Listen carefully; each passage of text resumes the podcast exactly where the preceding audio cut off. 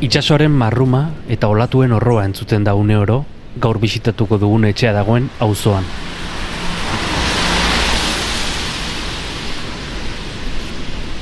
Zarautzen gaude, eta negua iragartzera baletor bezala, haserre da itxasoa.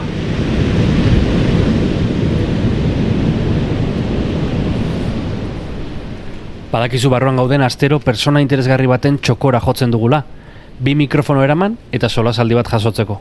Itxasoak uzten badigu, noski. Oraindik ez baduzu egin, sartu egite podcasten edo audio plataforman eta sakatu arpidetza botoiari. Asko eskertuko dizugu. Eta noski, zabaldu lagun artean.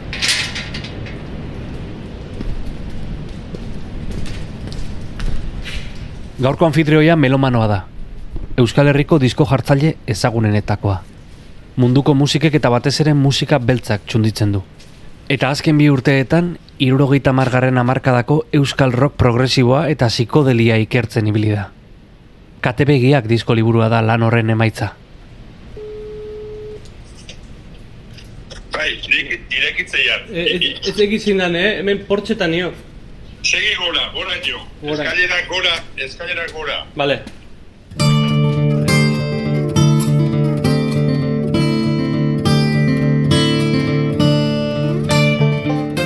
Gaur barruan gauden, Mikel Unzurunzaga esmitzen etxean sartuko gara. badut olako gozea, ez, musika berrietaz jakiteko, trapa, alabak eskubritu dit, hainbat, trapa, eta hainbat eh, reggaetoia, osea, ni beti izaten dut, musika estilo guztietan dago ona eta txarra, osea, ez du, ah, reggaetoia puta mierda bada. A ber, baina gauza bera gertatu zen eh, teknoa eta musika elektronikoarekin, osea, ni goatzen naiz, laro eta mara markadan, basu dilea zara, ba, orduan txunda, txunda, tekno bakalao, ez, ez da hori bakarrik, Osea, orduan bakalaua, bakalaua ona, bakalaua makina eta holako kontzeptua. Ba ez, ez da, ez da horrela.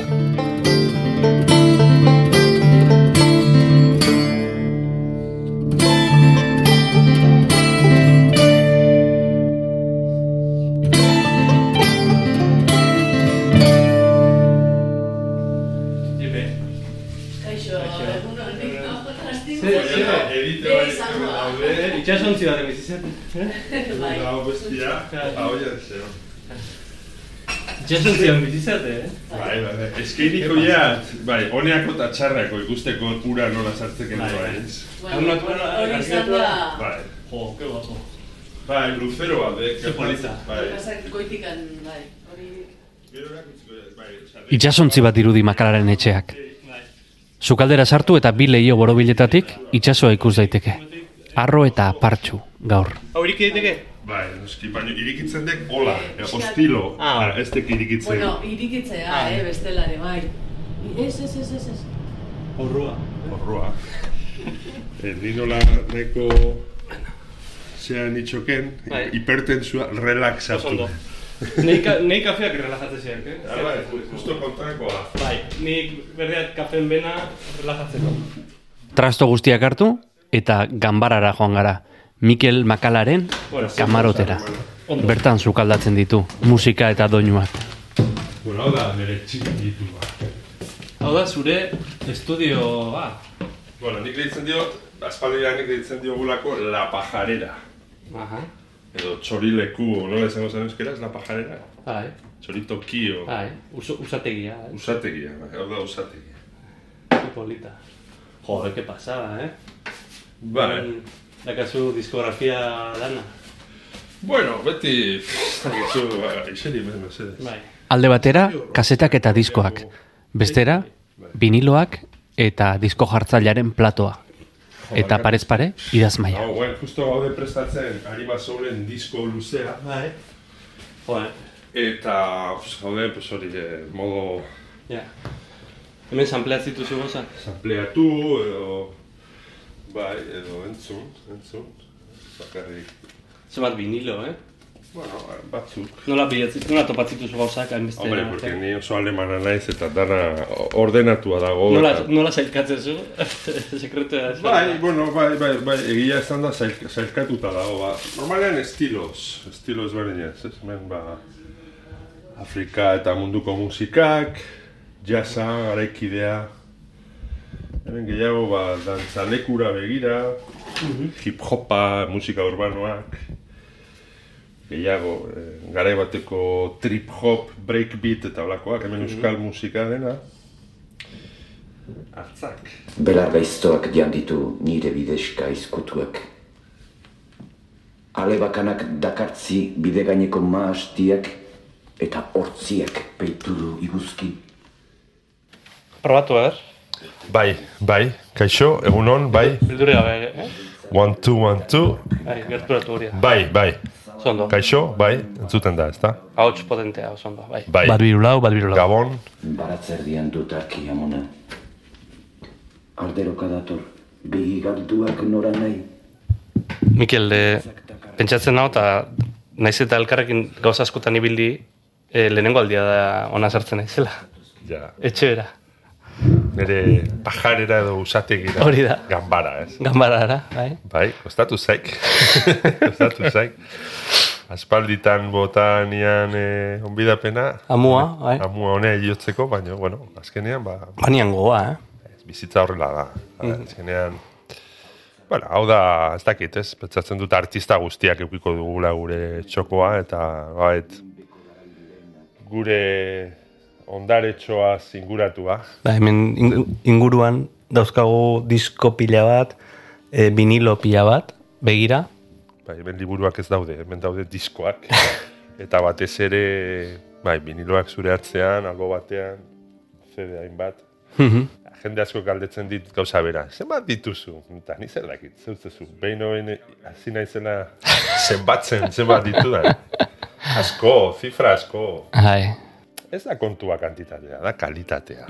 E, musikan beti izaten da, musikan eta artean, bi mota daudela, ez? Ona eta ez hain ona.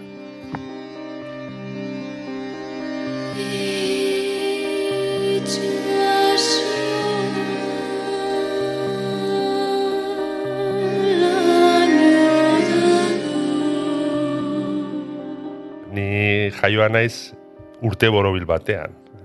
Zehazki irurogeita mar urtean. Osa, mila beratzen da irurogeita mar urtean.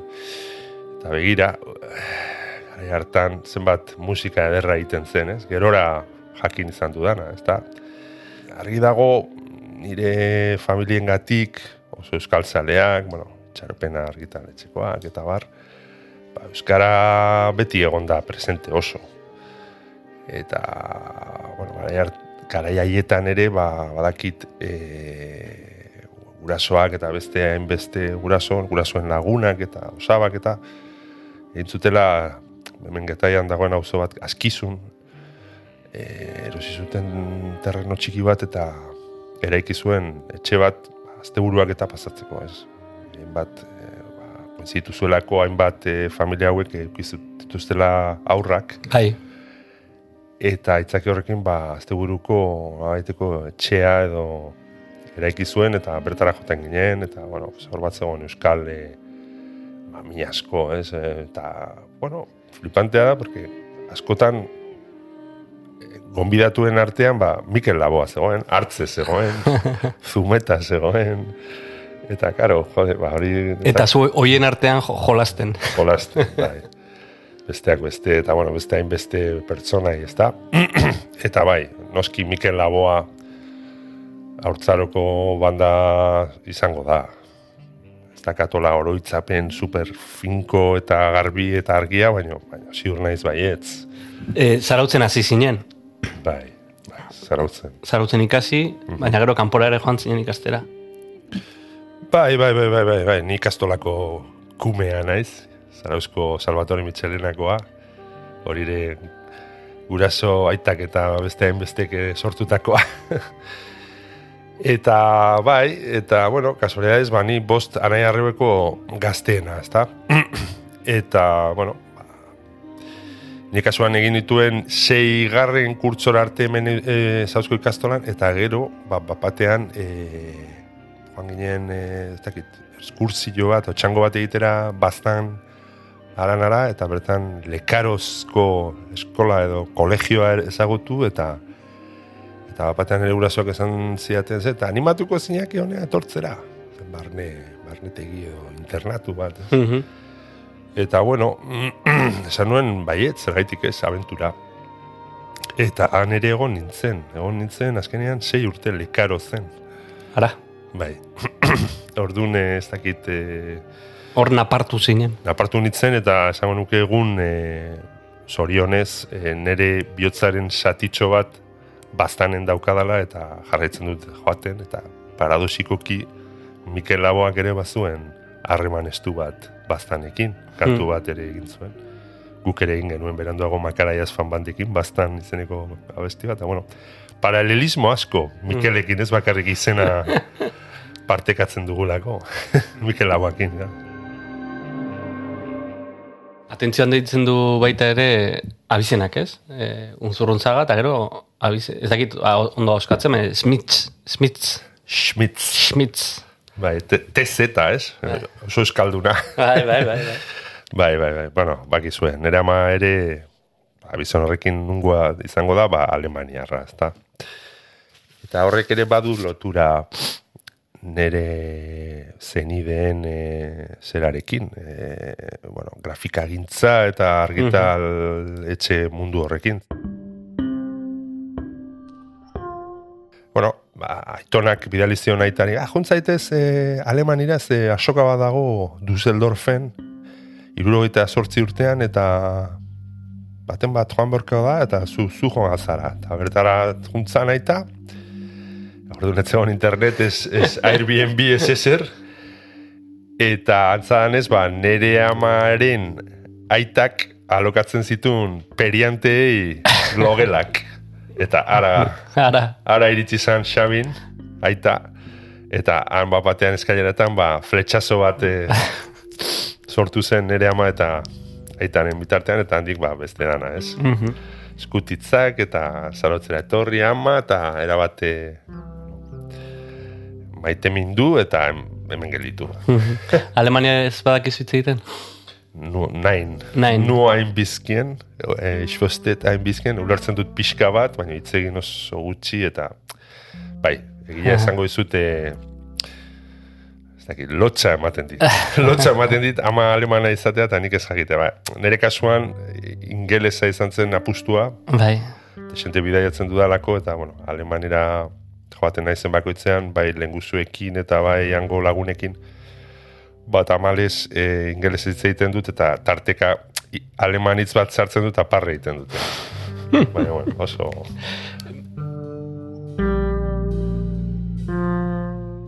Hitz egin dugu inkonsienteaz pixkat, ez? Mikel Laboa askizuko etxe hartan, eta Mikel Makala jolasten inguruan, ez? Hor. E, baina, konsienteki noiz sartu zitzaizun musikaren arra Ze gero zure bizitza markatu du musikak.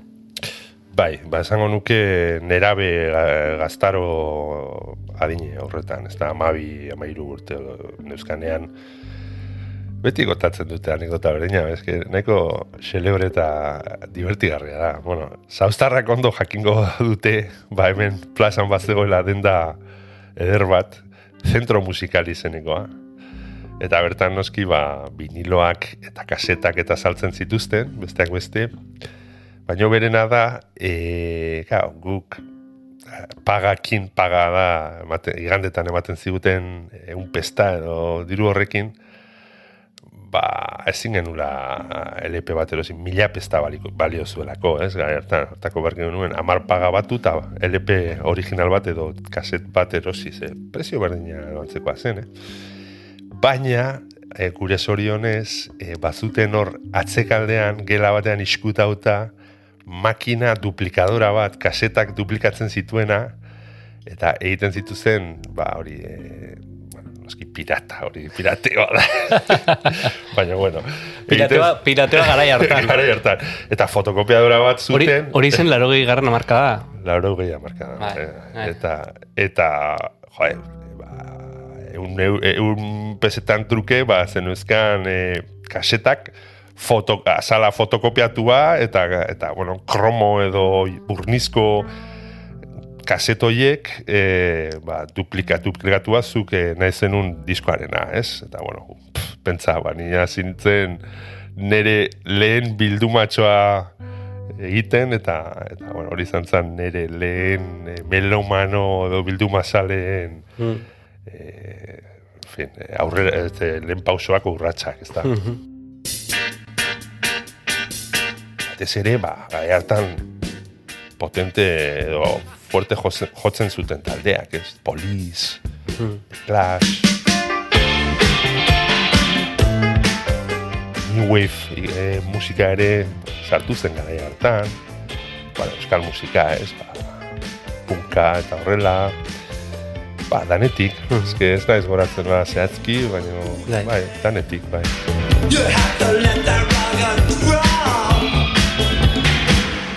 Eta handik ezain bestera, jo, beste kriston pelotazua zarautzen, sortu berri zuten arraio irratia. Egun existitzen dena, eh? Bai, bai, existitzen da. orain. eh, Bai. gaztetxean, eta mendik ezain bestera badut haiekin lotuta elkarrizketa bat, da, kriston, posa ematen dit. bai, zirrara bertar, bertaratzea, eta ba bai, arraia irratia sortu zuten hainbat jendek, eta ostras, e, irrati libre bat zarautzen, bai, eta jo, eta bai, bai, bai, bai, eta ateak irekiak, eta baten bat, hombre, seriozki, ez? Bai. Eta fuf, berehala enteratu horretaz, da berehala kuadriako batzuk, joan ginen eskatzera aukera ber ematen ziguten egiteko saio bat. Bertako fonoteka erabiliz, pentsa, osea, claro, zeuden disko pilo bat, hor bai ezagutu genuela euskal musika lehen eskuz, ertzainak, portatu, jotakie, bueno, zarozko korral, eta talde pilo bat, ez? Skorbuto rip eta denak, ez da?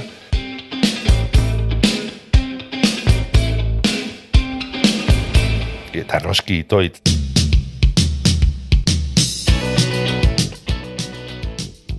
Gara hartan dituzekin oso nahiko flipatuak geunden, eta, bueno, eta, eta zeizen ipiniko diogu gure lehen irratzaio honeri, musikaz blai.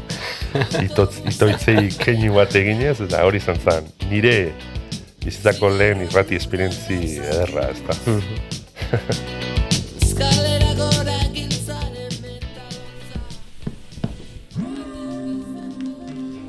Zarauzko arraio irratian musika ura entzuten imaginatu dugu makala. Garai haien eta leku haien oinordekoa da. Baina DJ bezala egintzen ezaguna. Non baitetik etorriko naiz orduan ere. Gau bat izango da edo ilun gutxienez. Gau bat seguro aski. Ez du misterio handirik gordeko gau. Gau horrek. Esku bat, sarraila eta giltza. Ez da ilargirik, ez izarrik izango zeruan. Ez katurik telatuan, ez da kafe usa... Ez da kafe usainik sukaldean, edo jari hori lavagoan. Hombre, DJ bezala, eh, justo, claro, es que, claro, gaur egun DJ, ez? Eta pentsa, gero, lauro eta mara marka denen azken urteetan, etorri zitzaidan be, konbidatu genuen Xavier Montoya, Brown Aretoan, Iker Treviño, eta Bai. geundela hor bitartean, zure lenguzua. Bai, bai. Eta esan zidan Montoyak, ik makala ez dek jakingo baino, DJ disk jokeidek, baino euskeraz disko jartzaile. Eta esan, kabroia izi, Una da. oso ona da.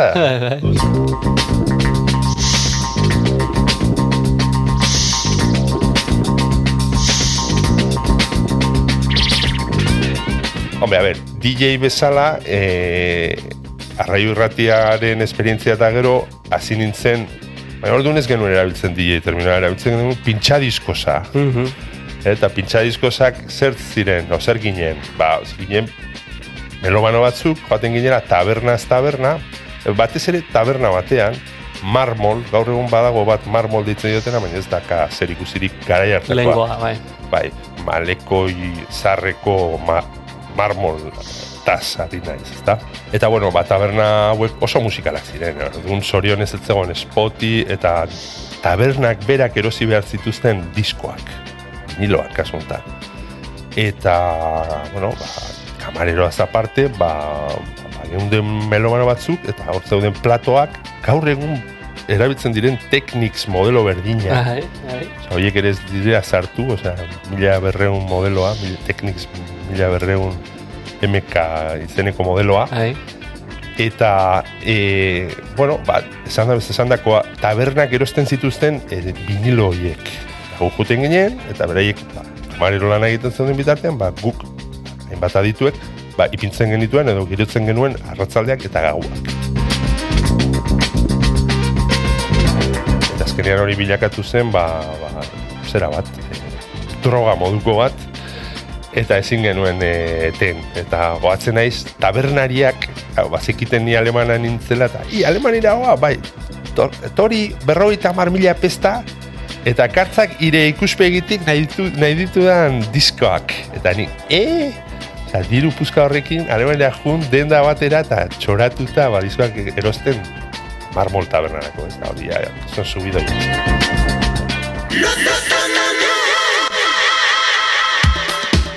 Eta hor sortu zen disko jartzaile lana bakarrik, karo, ez genuen erabiltzen mak, ez izena, ez? Orduan, makala hitza beranduago, beranduago sortu zen. Noiz, mila beratzen da aragoita ma bosteko udaran. Nere arreba Berlinen zegoen, eta Berlinen, jo, pentsa, Berlin, osea, musika mailan eta elektronikan, ba, egun, eta aspaldidanik, e, e, munduko hiriburua, ez? Mhm. Eta claro, nere arreban bizi zan, eta bere mutila, gaur egun bere zenarra dena, e, disko jartzailea zan, ere.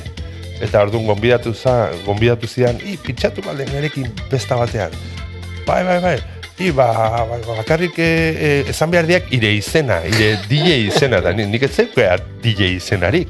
Jode, ba, sortu zak bat, ze flyerrak egin behar dizki hau, flyerrak, paskinak edo, Bai. iragartzeko eta ire izena berdia. Da, bazekite Euskal Herritik hau, da, at, atorrela, baino izen bat, eta nik, ostia, izen bat. Eta zinintuan hor beira, nire buruan, hartuko dizkian nire konsonateak, Mikel, MKL, MKL-ekin, ah, jartzen badiot, ah, makala, ba, eta makala zer da, ba, ma, torpe, lento, pausado, ma- makala, eh, bueno, eh, hola, eta gara hartan ere, entzuten nuen, ba, DJ Shadow, DJ Itzala, zegoela, DJ Calm, DJ Lasai, DJ Food, DJ Janari, eta izen tonto inosoak eta zentzuz gabekoak, ez? Da, esan, Ipitzak DJ Makala. Eta gaur arte.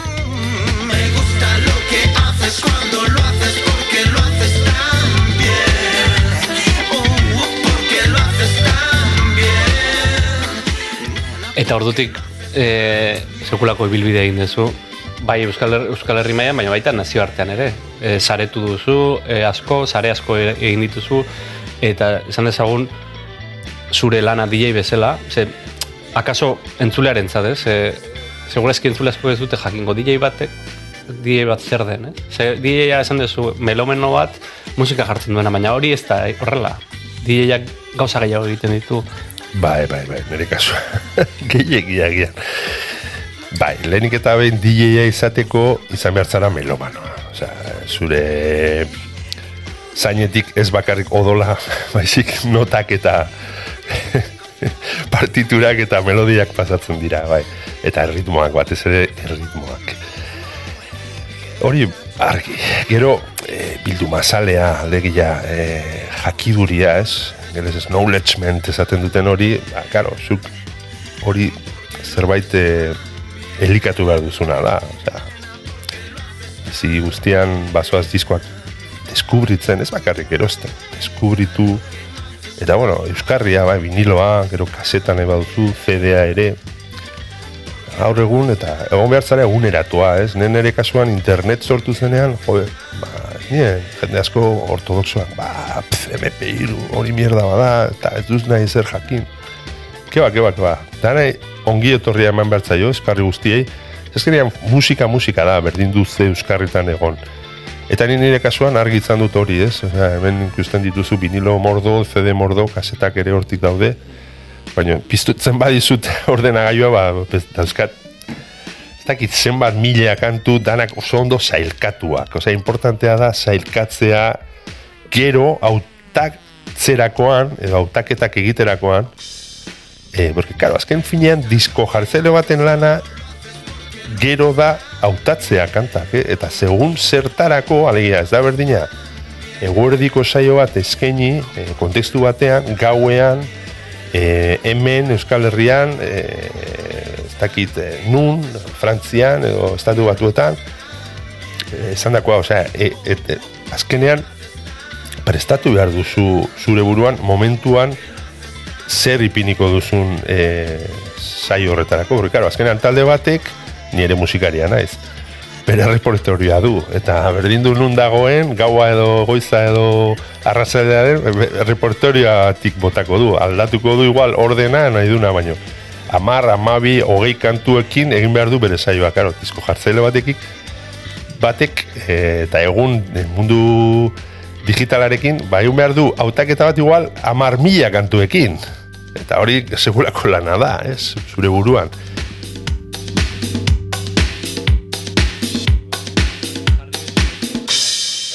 Irik egiteke lehioa?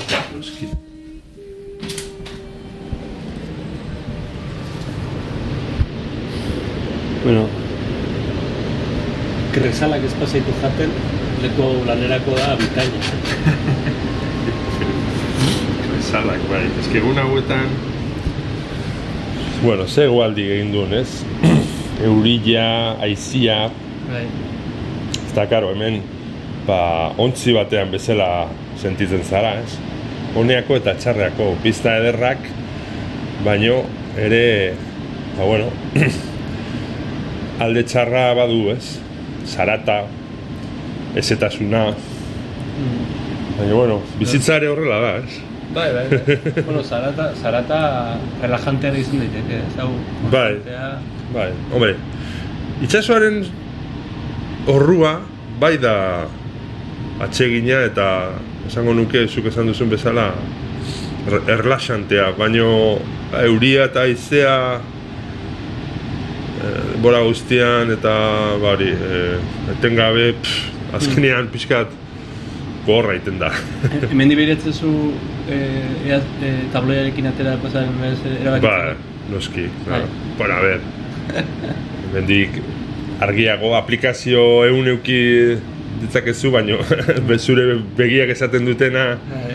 beti irabazten du beste guzti, teknologi berri guzti horiei, ezta? Gaur egungo streaming plataformen garaian, eh, gaizka inzunzak esate zuen, ez? Eh, saldi bat aipatzen zuen.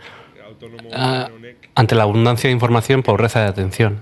Eh, hainbeste daukagu, dena daukagu eskura, eta horrek nola galdu arazten gaituen, ez? Bai, bai, hori, hori da beste e, disiplina edo edo zerbait oso saia dena kudeatzea. E, jakitea hau bai hau ez, Kara, azkenean ezinbestekoa da, osea, da e, itxas haundi bat, ozeano bat, eta zuk esan behar duzu, bueno, bale, e, nik ez dut e, surfeatuko olatu, ozeanoko olatu guztia, nik joango naiz leku finko hauetara, eta hor daude estiloak, ez? Mm -hmm. nire kasuan joan naiz nolabait nire erara, ba, nire do, doktoradoak o tesiak egiten, ez? Ba, esate baterako, e, hasi nintzenean, ba, interesatzen zitzaidan, ba, estilo finko bat, ez? Ez dakit, adibidez, e, 2005 urtean, e, ondartzan diskoa plazaratu nuenean, metak disketxean, ba, gara hartan, e, tes, nire tesia, ba, jamaikar musika zen. Eta sakondu nuen, ba, ba ska, rocksteady, dap, dap estiloa asko gustatzen zitzaidan gaur egun ere, eta hasi nintzen ba, biltzen eta eta ikasten eh, musika mota eh, guzti hori. Gerora musika latinoa interesatu zitzaidan, eta handik etortzen e, Unexpected Tapas bigarrengo diskoa, eta hor Jimmy Bida horretarekin, eta Bartzelonako beste lagunekin, eta bar, hor sakondu nuen a tope e, musika latinoa. Dago Makala Jazz fan bandekin egin nuenean taldea xake, ba, hor afroamerikar musika, eh, soula, funka, jazza.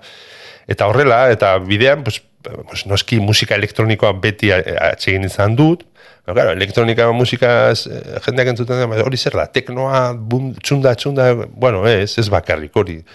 E, ba, munduko musikak, lehen eh, aipatu dut zer diren munduko musika, ba, musika latinoa, afrikarra, brasildarra, arabiarra, balkandarra, ba, guzti horiek ere oso ondo uztartzen dira musika elektronikoarekin, orduan, bait, etengabe egon naiz ikasten eta nire lan, eh, ja, bueno, jakiduri lan horiek eh, burutzen. E, kontzeptuak argitzeko, zer da mixtape bat?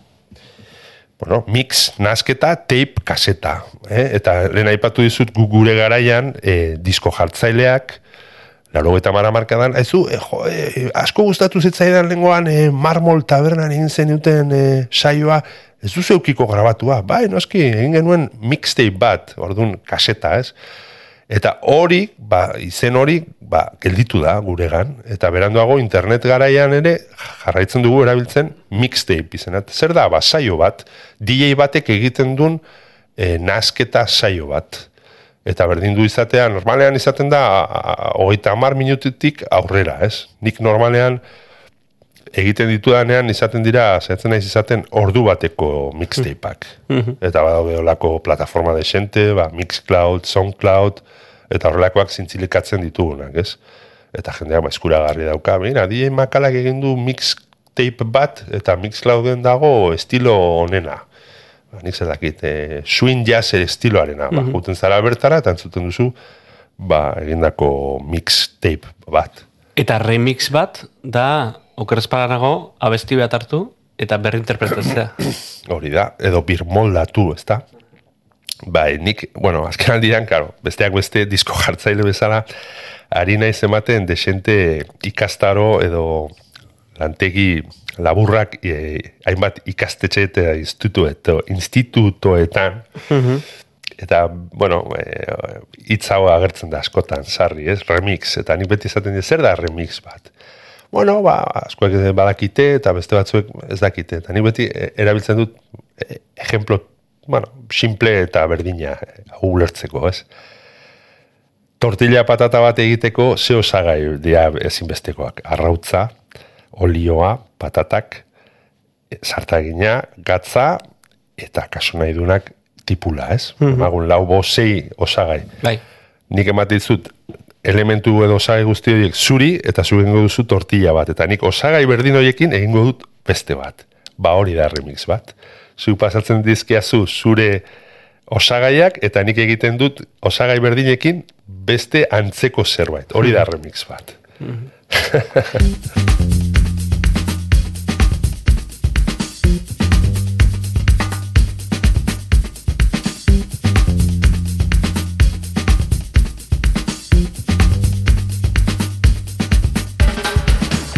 Kuriosoa da gainera askotan remixak exito gehiago ukitzen dula abesti originalak baino. Kasu askotan bai. Eta hori mesede handia egiten dio autore originalari. Zeren horre gero eskubide banaketak egiterakoan momentuz dago finkatua okerrez, nago, okerrez banago ama zei, ama zazpi eguneko remixadorean entzat eta beste dana Aha. autore originalean entzat. Beraz, mesede handia egiten ditu. Egile eskubidek ematen dute bizitzeko? Bai, zera, nire kasuan ez. A ber, noiz benka, pum, zeo zer, ez, baina, keara. Hori pentsatzen dut, eh, superventas edo, bai, badakizu, mainstreaman daudenak haientzat ziurrenik bai. Baina guri ez.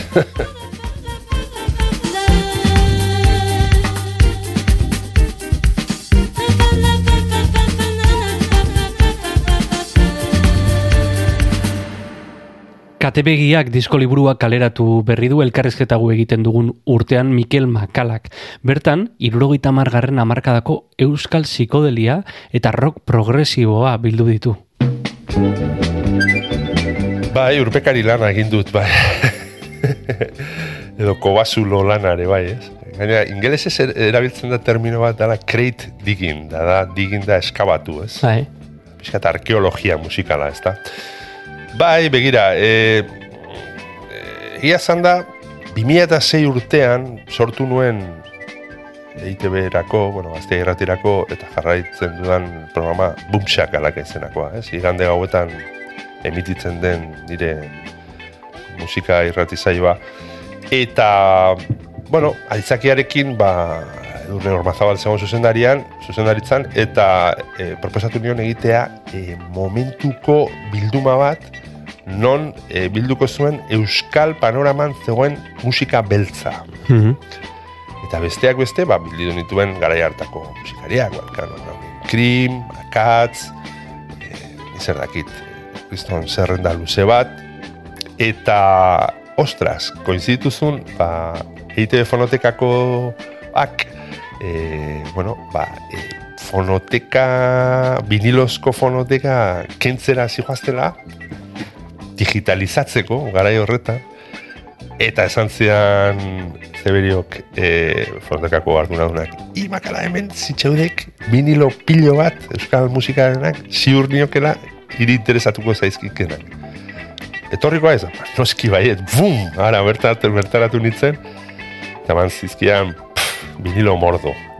Hori ere, nik nire goze edo egarri musikal horretan ere beti neukan ere burua, jo, euskal musika, euskal musika, ez?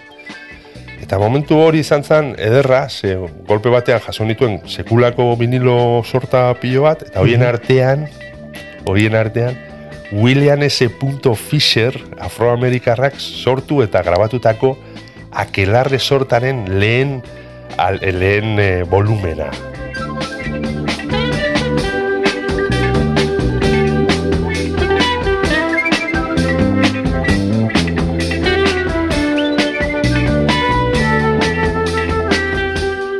Nor da William S. Fisher?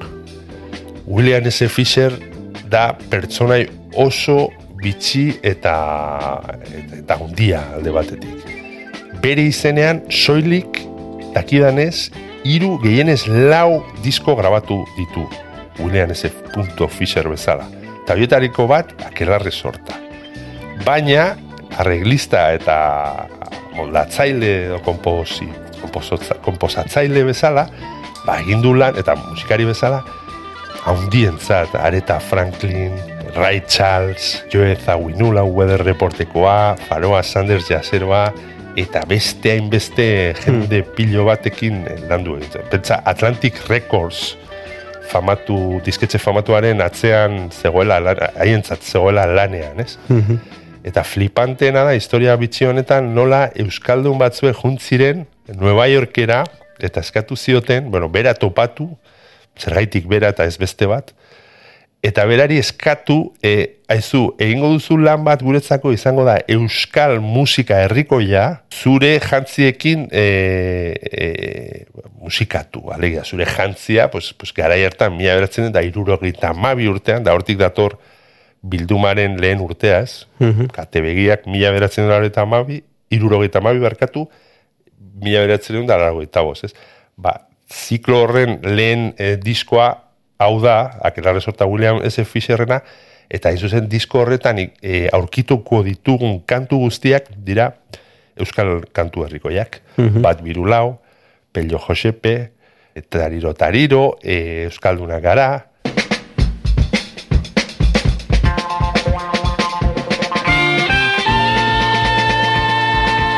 Eta nola, n- ez dakit jakin duzun edo asmatu duzun edo topatu duzun, nolatan William S. Fisherrek baietz esan zuen edo nolatan iritsi ziren beraren gana.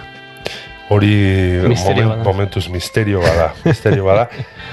Baina, e, bai, eta zaila da, ze, jo, e, bueno, proiektu guzti honekin, imaginatu, e, iritsi gara puntu batera, e, aurkitu dugula William S. Fisher bizirik.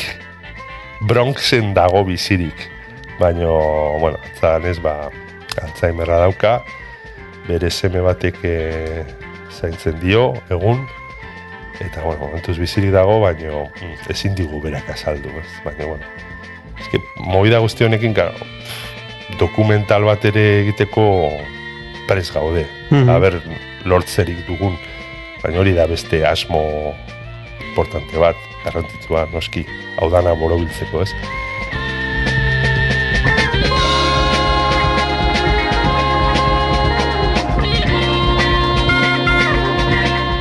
Euskal musika garaikidea izan da.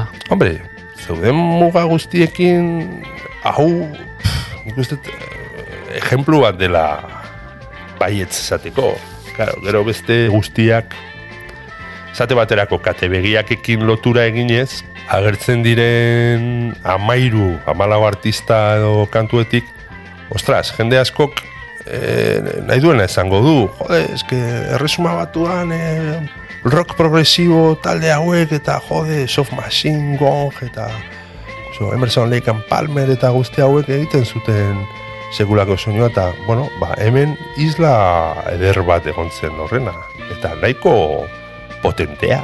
Zeren, zergaitik urte asko beranduago eh, sartzen zara egun ba, interneten eh, bildu masalen web horri horietara, esate baterako dago bat, Discogs izenekoa, eta bertan, bertan ipintzen dituzu Ezekiel Itoitz eta sekulako balorea du, irureun, laureun euro balio du original bat, Fisherrena ez da gesten bosteun eurotik, aizearen ontz gaua ere antzeko parezido, orduan, ostras, e, eta ez, hori ez da bapate, bapatean batek esan durako, ah, venga, diskonen hau balio du, ez, atzetik jende askok, eta zaletu askok nazioarteko mailakoak, ba, koturatu direlako, ba, musika horiek, e, ibilbidea eta historian zehar, balore hori e, e, bueno, e, eduki behar duela, eta horregatik daukate dira enpresiatuak.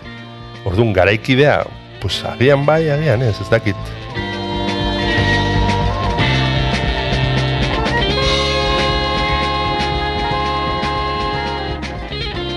DJ baten lanetako bat sampleatzea da. Alegia soinuak handik eta hemendik lapurtzea. Tira lapurtzea. Zertan bereizten da lapurra eta sampleatzailea? Bueno, badago, e, ez dakit arau bat edo, esaten da, a ber, zuk sam, sampleatu, bueno, batzuek ez dakite zer den sampleatzea. Sampleatzea da, ps, musika, berdin du disko batetik, edo telebistatik, edo filma batetik, edo kaletik, e, audio bat grabatu, edo sati bat grabatu, elkarrizketa bat, musika pusketatxo bat, eta horrekin sortu berriz beste pieza bat, ez? Hori da sampleatzea, ez? Eta lapurrak, hombre, claro, hor neurri bat egon behar du, claro, nik e, satitxo bat sortzi segundukoa lapurtzen badut, hombre, pentsau, e, guazen Mikel Lagoaren e, kantu famatua, egoak ebaki ban izkion, pum, hartzen dut hori Mikel abesten, eta jartzen diotatzean base bat, hombre, hori la, la, lapurketa nabari garria da, ez? Baina hartzen badut, egoak ebaki ban izkion kantu hortatik, akorde bate gitarrarena eta deformatzen badut, zenek jakingo du nun, nundik e, etorri den jatorria edo hori. Pixka bat, bueno, sampleatzeakoan edo, edo bai, e, ejerzizio ariketa hori egiterakoan, ba, pixka bat izan behartza ere, ez dakit, kontzientea, ez? Nol, nola ikusten duzu gaur egungo gaur egun bogan dagoena edo kula den musika? Buf. jo, ba, gustatuko litzaidake gehiago jakitea eta sakontzea, osea, badutolako gozea, ez, musika berri eta jakiteko.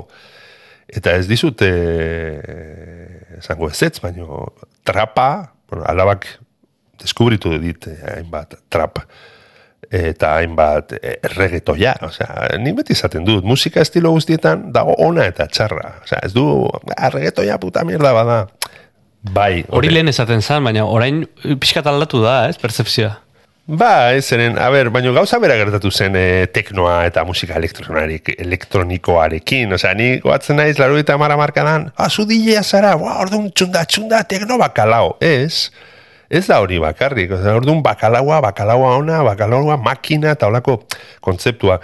Ba ez, ez da, ez da horrela. Eta nik ziur naiz gaur egun, ba bai erregetoian eta bai trapan, e, sekulako artista interesgarriak daula. Eta nik, de hecho, nire saioan bumxakalakan saiatzen naiz tarteka nire aurkiketak egiten eta eta ipintzen, eta, bueno, ez dut esango izenarik, baina regetoian, adibidez, esango dut izen bi, bi ez- izen, netzako kristonak direla, sekulakoak direla, bata Tego Calderón, Puerto Ricoko rapero edo reggaetoneroa, eta bestea Calle 13. Osa, eta bideoiek reggaetoia egiten dute, eta ez bakarrik, baino, eta de puta madre dago. Osea, eta trapan, pues, badago kanadiar bat oso mainstream dena, eta ni asko gustatzen zaitena, dela Drake, Drake izenekoa, Bizarrap ezautezu?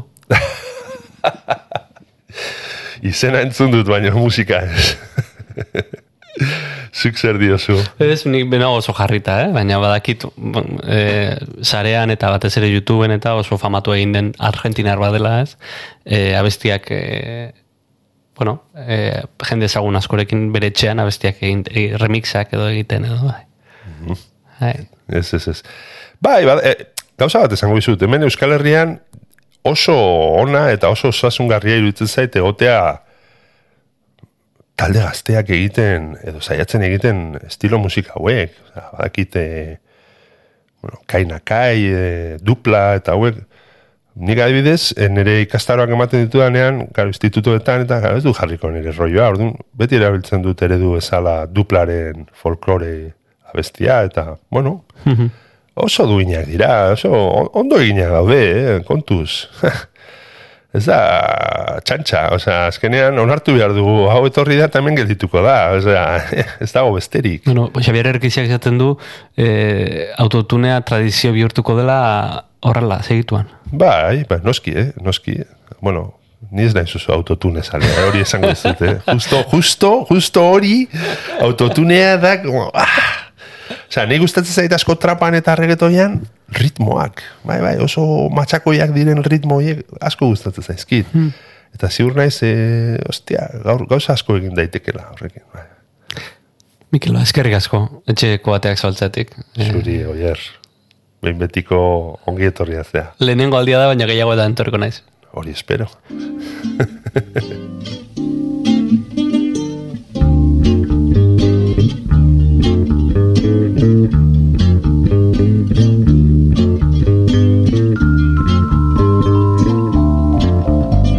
izan da aste honetako barruan gaude. Mikel Makalaren etxetik atera eta datorren astean denboraldiko azken etxera sartuko gara. Urtea itxiko duen barruan gaudea grabatzera.